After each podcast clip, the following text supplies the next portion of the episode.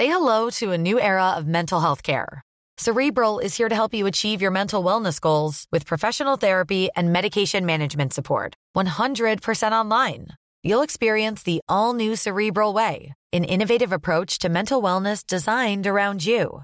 You'll get a personalized treatment plan from a therapist, prescriber, or both in a safe and judgment free space. Your cerebral therapist or prescriber will outline a customized plan with clear milestones along the way so you can get to feeling your best. With Cerebral, you're not alone in your mental health journey. We're here to empower you to live a fulfilling life. So take that first step towards a brighter future and sign up today at cerebral.com slash podcast and use code ACasts to get 15% off your first month. Offer only valid on monthly plans. Other exclusions may apply. Offer ends July 31st, 2024. See site for details. If you're looking for plump lips that last, you need to know about Juvederm lip fillers. With Juvederm Volbella XC and Juvederm Ultra XC, your lip look, whether it's subtle or bold, can last up to one full year with optimal treatment and no additional maintenance. Find a licensed specialist and see if it's right for you at Juvederm.com today. That's J U V E D E R M.com. Add fullness to lips in adults over 21 with Juvederm Volbella XC or Juvederm Ultra XC. Do not use if you have severe allergies or a history of severe allergic reactions, or if you're allergic to lidocaine or the proteins used in Juvederm. Tell your doctor if you have a history of scarring or taking medicines that decrease the body's immune response or that can prolong bleeding. Common side effects include injection site redness, swelling, pain, tenderness, firmness, lumps, bumps, bruising, discoloration, or itching. As with all fillers, there's a rare risk of unintentional injection into a blood vessel, which can cause vision abnormalities, blindness, stroke, temporary scabs, or scarring. For full important safety information, visit juvederm.com. Hei alle sammen, det er Øystein i Aftenpodden USA her. Kristina og jeg vi er tilbake med en ny episode til uka som vanlig, men i mellomtiden så skal du få en forsmak på et helt nytt lyddrama av Jo Nesbø som heter Rotteøya. Her så skal vi til et uh, USA etter pandemien, hvor samfunnet rett og slett er i ferd med å gå helt i oppløsning. Noen av de rikeste de står på toppen av en skyskraper og venter på å bli fløyet vekk i helikopter, mens resten de kriger i gatene. Det kommer en ny og spennende episode på tirsdager og torsdager fremover, og her får du den første av dem. Dette lyddramaet er ment for et voksent publikum. Denne episoden inneholder skildringer av vold og overgrep. Dette er Jo Nesbø, og du lytter til Rotteøya. Vi er i et samfunn som har kollapset. Lov og orden er satt ut av funksjon, og det er de som har, mot de som ikke har. Episode én Natten kommer.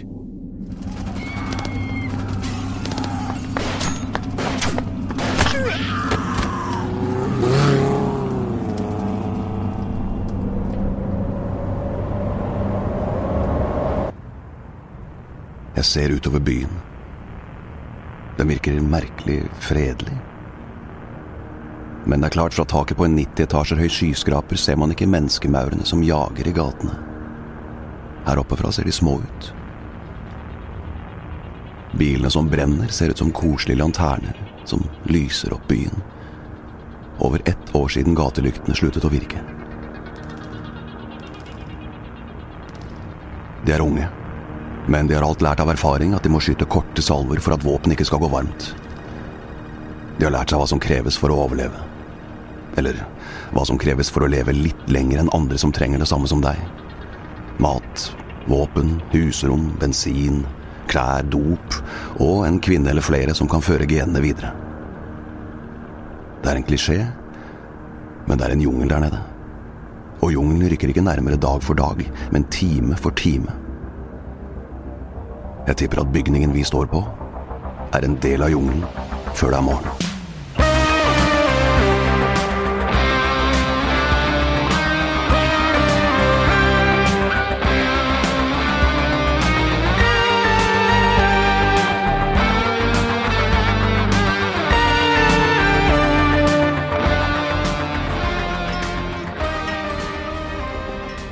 Kommer ikke helikopteret snart, mamma? Du må spørre pappa om det. Det kommer snart, vennen min.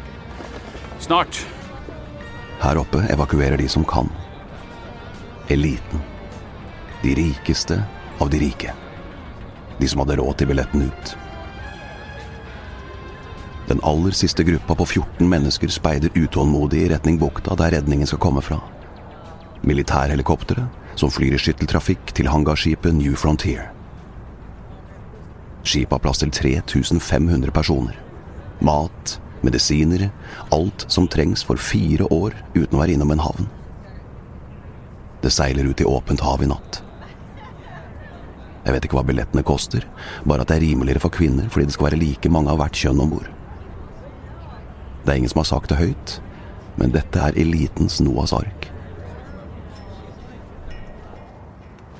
Foran meg står barndomsvennen min, den tidligere sjefen min, Colin Lowe, og kona hans Liza og datteren Beth.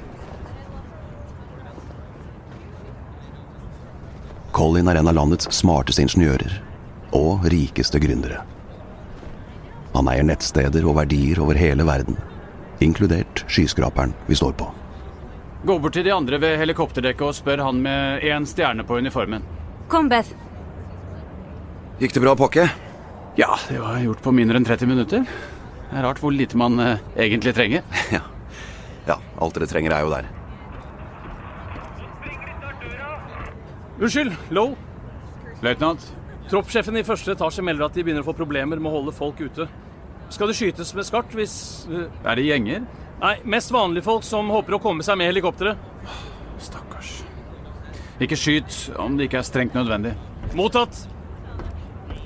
Sersjant, ikke bruk mer makt enn nødvendig. Da jeg kom hit, så var det en fyr i dress som tilbød vaktene en koffert full av penger. Og vakten tok ikke imot fordi du sto og så på? Kanskje. Eller fordi ingen vet om de pengene er verdt noe i morgen. Du ser gamle Horowitz med familien der borte. ja. Han ble oppringt av hun som spiller i den siste Bond-filmen. Hun tilbød seg å bli med som elskerinnen hans. Det er sykt. Sykt er ordet. Vi er på vei til entropi. Du vet godt at jeg ikke aner hva sånne ord betyr. Termodynamikkens andre lov. Ja, det sier jo meg heller ingenting. Kan ikke dere jurister noen ting? Eh, Jo, vi er ganske gode på å rydde opp etter rike ingeniører. Touché. Entropi betyr at i et lukket system vil alt eh, ødelegges over tid.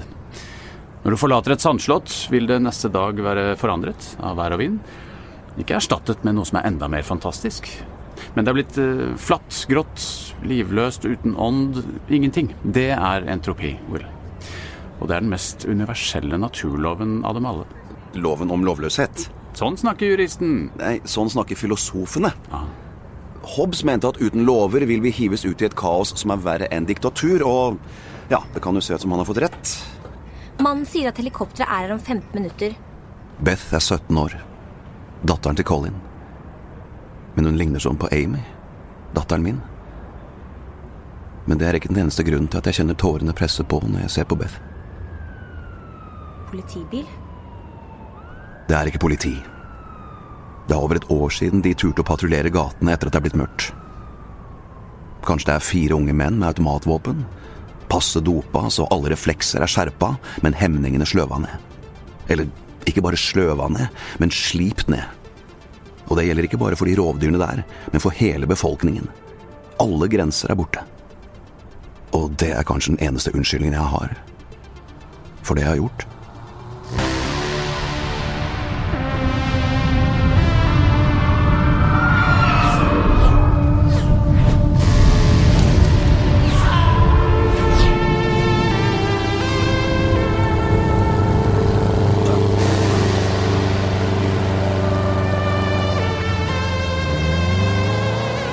Det jeg leita etter.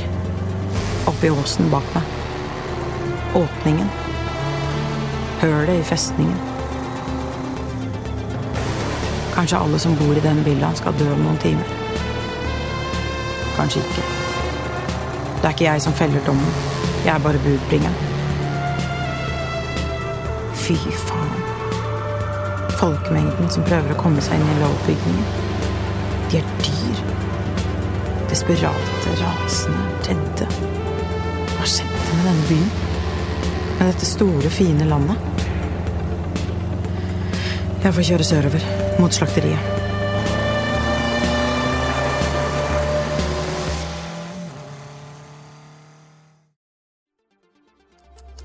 Rottøya fem år tidligere. Gir du meg en hånd? Ja. Ja. Ja. Colin, dette har du også kjøpt. Ja. En holme som er bare stein. ja. Og et nedlagt fengsel. Ja, det, det så jeg. Det var veldig innbydende. Nei, Vi skal jo ikke bo her. Det er bare i tilfelle noe skulle skje.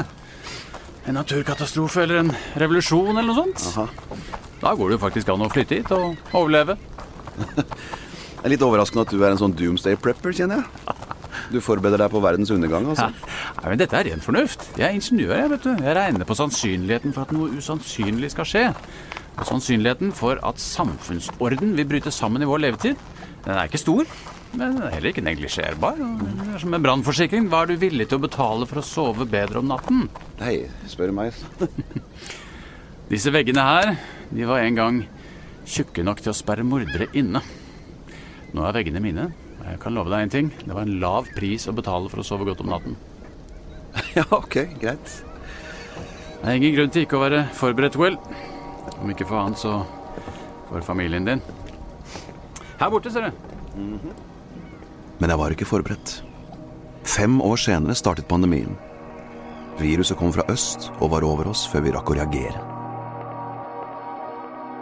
Det er ikke sant at plyndringene startet da myndighetene bestemte seg for å tømme fengslene. I praksis var de rene dødskammer hvor viruset fikk herje fritt. Fangene som slapp fri, var ikke mange nok til å skape kaos. Det var følelsen det ga. Følelsen av at myndighetene var i ferd med å miste grepet. At orden var opphevet. At vi måtte karre til oss det vi kunne, før andre gjorde det. Det var ikke en irrasjonell frykt. Vi visste at om vi bare fikk lagt pandemien bak oss, så kunne vi vende tilbake til våre vanlige liv. Men frykten vokste seg sterkere enn fornuften. Det vil si, hver for seg gjorde individene valg som var rasjonelle og fornuftige, men for samfunnet var de katastrofale. Noen ble plyndrere og voldsmenn fordi de måtte. Andre, som Collins sønn Brad, ble da lyst.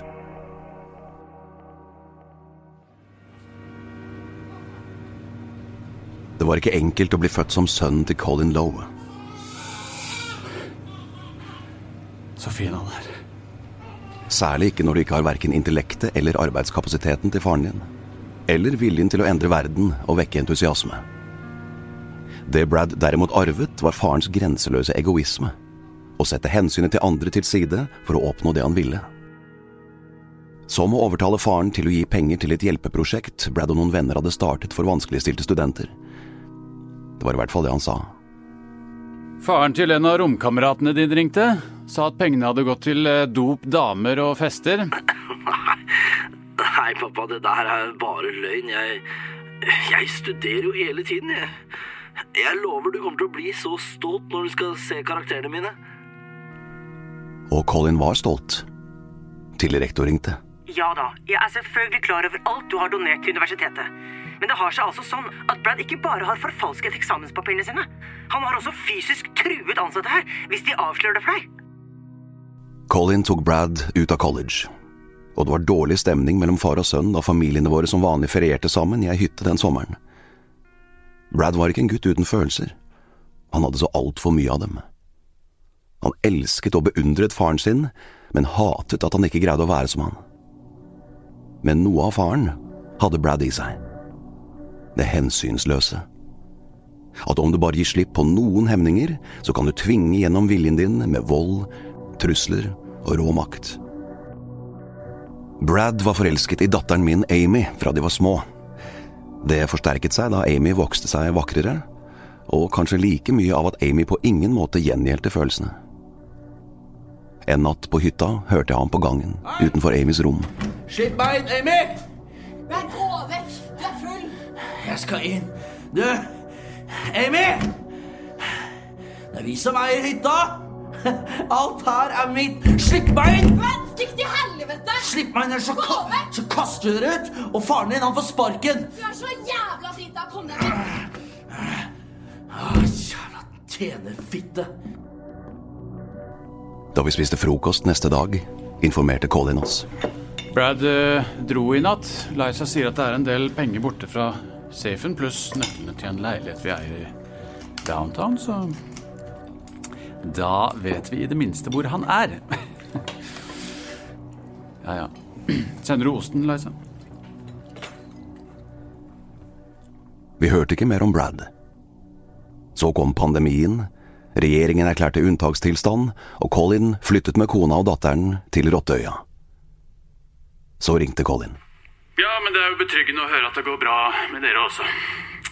Jeg, jeg eh, har forresten endelig fått litt info om Brad. De påstår at han har blitt leder for en kriminell gjeng som kaller seg Chaos. Ja vel? Jeg, jeg bare forstår ikke hvorfor han skal drive og plyndre og herje. Han kan jo bare komme til meg og få alt han trenger. Ja, kanskje det er eh, Kanskje det er dette han trenger, da. Å vise deg at han kan greie seg selv. Ikke bare overleve denne tida her uten din hjelp, men at han kan slå seg opp og lede sånn som deg. Ja. Altså, Du tror ikke det er fordi at han eh, liker det? At, Liker hva da? Nei, hva Kaoset, og plyndre og ødelegge. Jeg vet ikke. Ja, kanskje. Jeg... Hallo? Hallo? Hva var det? Forbindelsen som ble brutt igjen.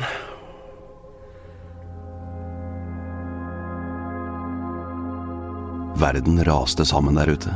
Men Heidi, Amy og jeg prøvde å ha et så normalt liv som mulig hjemme i downtown. Heidi, ja. Jeg møtte henne under jusstudiene, og alt var så enkelt.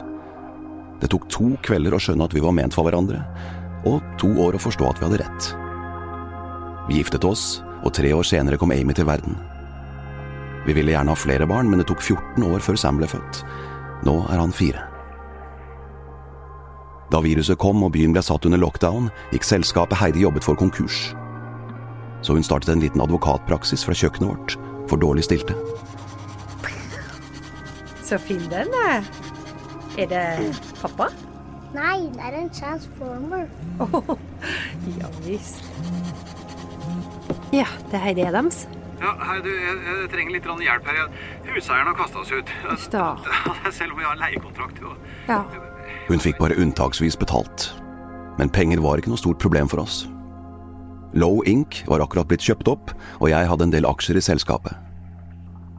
Jeg begynte å hjelpe Heidi med å hjelpe andre, men nå hadde rettsvesenet begynt å knake i sammenføyningene.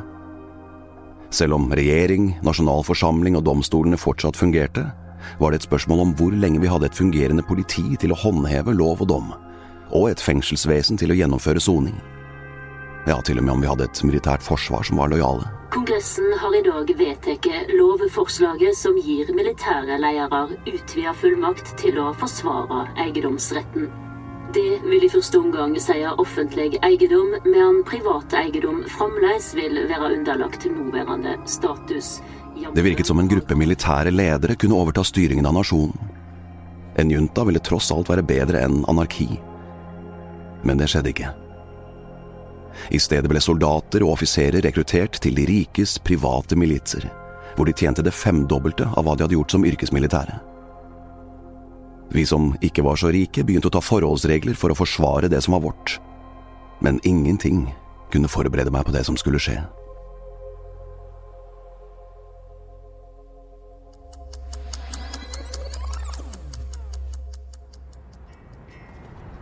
Jeg står på taket og venter på helikopteret. Jeg kan fortsatt kjenne smaken av tau i kjeften. Lukten av bensin i garasjen. Høre skrikene fra de jeg elsker inne fra huset. Og huske vissheten om at jeg skulle tape alt. Absolutt alt. Hver gang jeg hører en motorsykkel, så tenker jeg at det er Brad. Ja. Hva tror du om eh, symbolet på hjelmene deres? Rettsgudinnen Justitia, med vekten og bindet for øynene. Bare at på hjelmene til Chaos har hun et stort, blodig kulehull i pannen.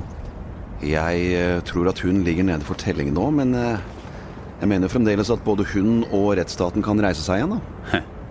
Og jeg har alltid ment at det var naivt. At det før eller siden ville bli som nå.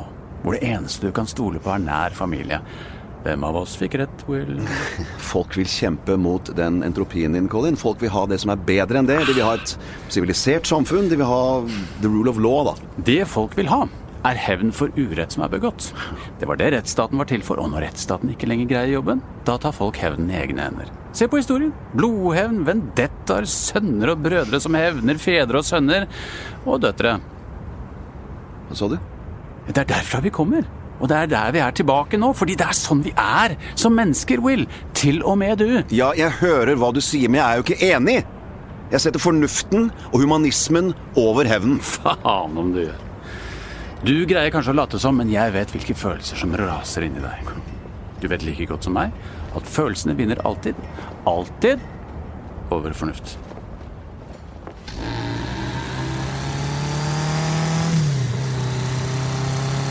Jeg kjører med bare parklys. Må vekke minst mulig oppmerksomhet. Passe på så jeg ser høla i veien i tide. Det er sprøtt å tenke på at selv om folk har gått tomme for bensin, har de tydeligvis plenty med granater. Smella kommer tettere for hver dag. Å, faen. Hei! Kommer dere forbi her? Gå av gærent vi kan være. Det er seks stykker. De har lagt ei spikermatte tvers over. Som regel er gjengene på rundt tolv. Og når jeg ser i speilet, ser jeg at seks stykker går ut i gata bak meg. Spikermatte der òg. Den gode nyheten er at bare fire er synlig bevæpna. De ser ut som tenåringer. Ingen symboler, hjelmer eller tegn på at de er fra en av de proffeste gjengene. Den dårlige nyheten er at de sikkert har raida en politistasjon for å få tak i de spikermattene. Da mangler det ikke guts, som er et annet ord for desperat. Jeg tar av meg hjelmen med den døde Justitia. Holder den opp. Ser dere?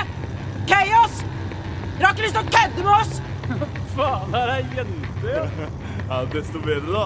Ta så Fjern de mattene, og slipp meg forbi! Hei, faen! Slå av fjernlysa, bitch! Jeg ser dem bedre nå. Det er en blanding av etnisitet og klær. Et oppsop av sånne ingen andre gjenger ville ha. Jeg trekker opp Remington-rifla, som er festa til siden av sykkelen, og sikter på han som sa bitch. Han er blenda og står dessuten rett foran spikermatta. Sist jeg brukte rifla, fikk jeg til en perfekt likesida trekant midt mellom øya og kulehølet. Men da hang jo målet på en krok rett foran meg. Bitchfyren detter rett vei, bakover, oppå spikermatta. Jeg sikter midt mellom de skrevne beina hans.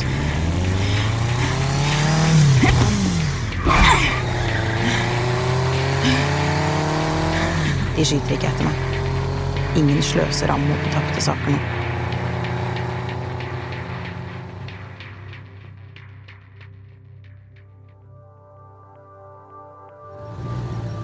Jeg tar en liten omvei forbi huset til Adams-familien. Jeg trenger å tenke på det.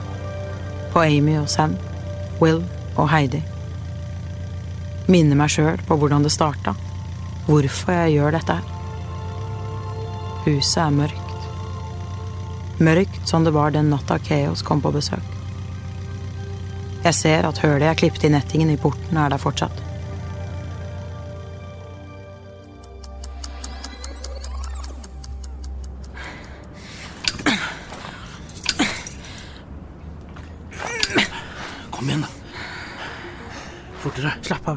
Kommer ikke politiet. Jeg syns fortsatt dette er en jævlig dårlig Ja, ja, ja, du har sagt det. Kom igjen, nå. Kunne jeg endra noe den gangen? Det er tvilsomt. Brad ville aldri tape ansikt overfor gjengen og innrømme at jeg hadde rett. Men jeg kunne gjort som jeg pleide. Lagt fram argumentene mine som om de var en tolkning av hans, så han kunne ta æren for det. En dum leder kan være god nok om han lærer seg å skille gode rådgivere fra dårlige. Brad hadde ikke utnevnt ei jente til nestkommanderende i Chaos bare av kickboksekarrieren min. Jeg likte ikke opplegget den natta fordi Brad kjente folka som bodde her. Jeg mistenkte at det handla om mer enn mat og våpen. Bensin og et aggregat som kanskje, kanskje ikke sto i garasjen. Sånn.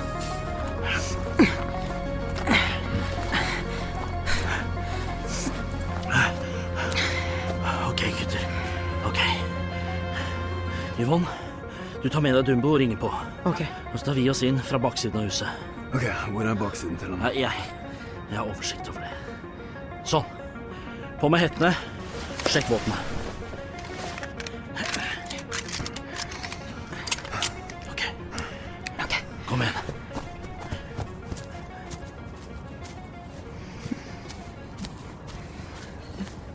Dette går fint, Umbo. Du skal ikke si noe, ikke sant? Du skal bare se inn i kameraet der, over ringeklokka. Og så prøver du å se ut som at det er liksom litt synd på oss. Ikke sant? Mm, ok. Ja. Hysj, hysj, hysj, hysj, hysj. Er du klar? Klar? Ja. Ok.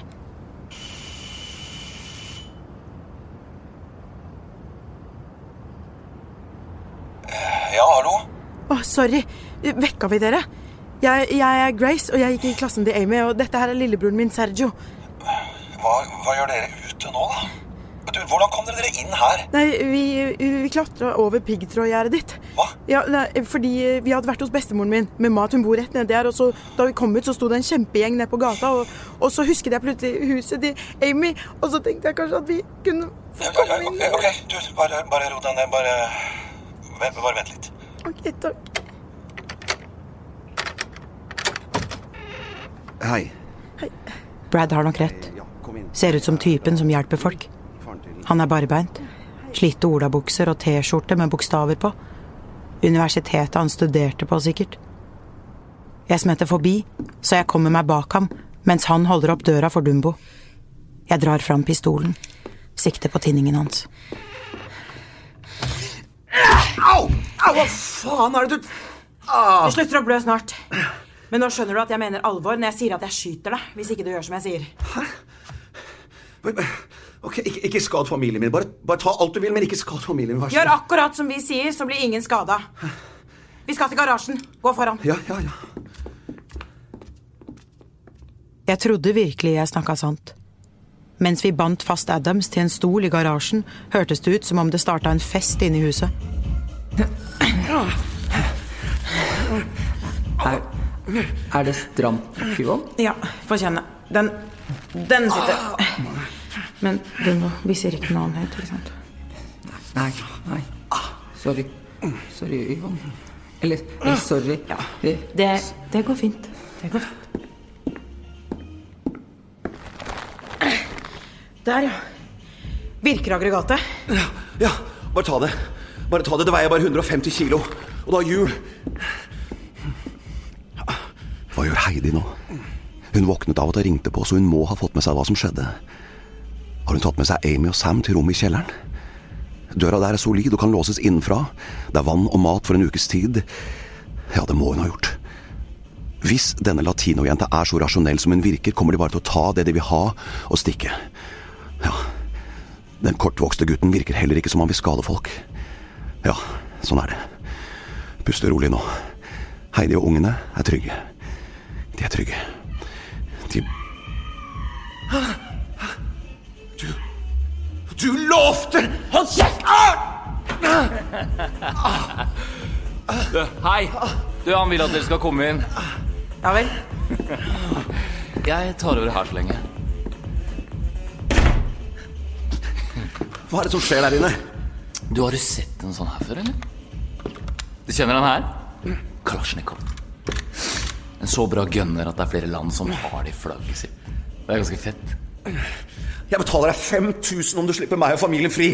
Ok, og Hvor skal jeg bruke det? da? På 7-Eleven? Du, her, jeg kan gi Du, deg du behøver ikke gi meg noe som helst, gammel. Jeg tar det jeg vil ha. Hvorfor er, er damen bundet fast til bordet, og, og, og hvorfor har hun ikke klær? Hysj. Hei! Der er dere jo! Det går fint med mamma Sam. Men ikke se på. Lukk øynene. Seriøst, Ragnar. Å ja, seriøst. Har du noen innvendinger, eller? Ragnar ser på meg med de smale øya sine under den glatte luggen. Det blikket skal fortelle meg at han burde vært nestkommanderende, ikke jeg. Og nå venter han på at jeg skal protestere mens alle ser på, så han kan spille trumfkortet sitt. Men siden jeg allerede aner hva det er, så holder jeg kjeft. Ja, for aldri slå dere løs. Nå tenkte vi at det var Dumbo her som skulle få lov til å slå seg løs. Han har vært jomfru lenge nå, kan han ikke det? Hæ? Kom igjen, Dumbo. Av med buksa. Kom igjen, da! Herregud, det er ingenting å være redd for. Ut? Ragnar! Han trenger ikke å gjøre det der. Nei, men jeg sier at han skal Ja, og jeg sier at hvis det er du som sier det, så stopper jeg dette her nå. Du skal det, ja. Det er nemlig Brads ordre, skjønner du. Ja, og hvor er Brad, da? Nei, altså, Han er oppe i andre etasje. Hei, dere to, ta så hjelp Dumbo av med buksene her. Kom igjen. Det er et Ta så Gi den en stol å stå på. Herregud, se på stakkarsen. Se, dvergen er klar. Hæ? Si til Yvonne at du er klar. Dumbo! Jeg, jeg er klar, Yvonne. Dumbo, du, trenger ikke å gjøre Du, dette du, her. du, du, du, hei, hei, hei, hei! Ordrenekt? Så du oppfordrer til ordrenekt, eller, Yvonne? Jeg er klar. Jeg er klar, Yvonne. Dette her, dette skal du faen meg få angre på, Ragnar. Sam! Sam, tenk på noe. Noe du har lyst til at vi skal gjøre i morgen. Hva skal du med gutten min? Han skal få slippe dette her. Sånn, hysj, Sam, det går bra. Hysj, dette går fint. Sånn. Nå skal vi kanskje øh, gjemme oss litt. Sam, skal vi det? Kanskje som gjemsel? Her inne. Se her, se her kan du sitte i badekaret. Ok. Og så trekker jeg for forhenget. Og, og vet du hva, så kan du begynne å telle. Eh, hvor langt da? Eh, ja, Hvor langt kan du telle, da? Eh, til 100? Oi, det var langt. Men, men da kan du telle til 100 tre ganger. Ok? Og så mens du holder deg for øra sånn. Greier du det? Ok. Fint. Og så kommer jeg etterpå, eller mamma, og henter deg.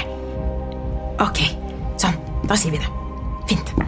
En, to, tre, fire, fem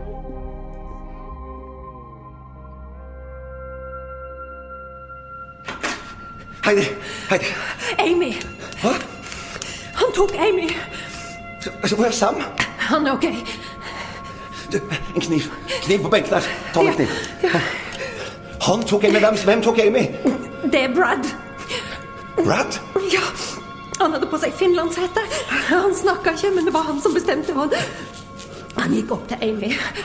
Og da hun MC-jenta og han lille kom inn i stua, så sa en av de at det var Brads ordre. Ja, hva var Brads ordre? Heidi, hva var Brads ordre?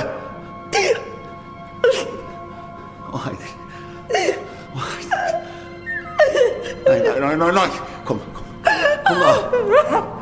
Jeg holder Heidi. Jeg behøver ikke å vite alt. Ikke ennå. Latinojenta visste at datteren vår heter Amy. At de er på samme alder. Brad leder en gjeng. Det stemmer. At han skjuler ansiktet sitt for oss, er logisk. Og at han likevel ikke er smart nok til ikke å bli avslørt, stemmer også med Brad. Jo, det er ham. Brad Lowe. Skakkjørt, men kjærlighetssyk. Det gir oss iallfall et håp. Kjærlighet gir alltid håp. Men nå kommer jeg etter deg. Brad.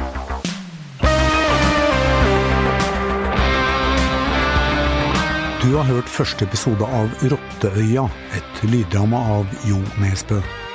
I rollen som Will, Håvard Bakke, Yvonne, Katrine Thorborg Johansen, Colin, Kristoffer Steib, Brad, Benjamin Helstad, Heidi, Marit Synnøve Berg, Amy, Mathilde Storm, Sam, Bob Pettersen, Liza, Ingeborg Sundrehagen Raustøl, Dumbo, Espen Bråten Christoffersen, Ragnar, Odin Våge, Løytnant, Asaad Siddiq, Beth, Ulrikke Brandstorp.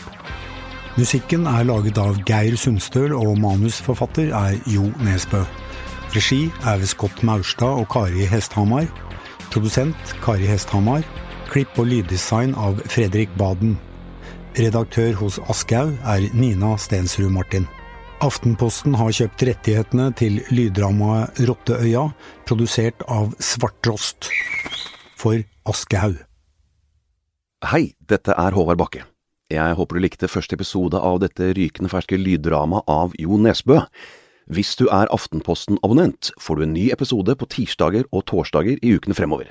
Bare gå inn på ap.no slash rotteøya for å høre resten av historien.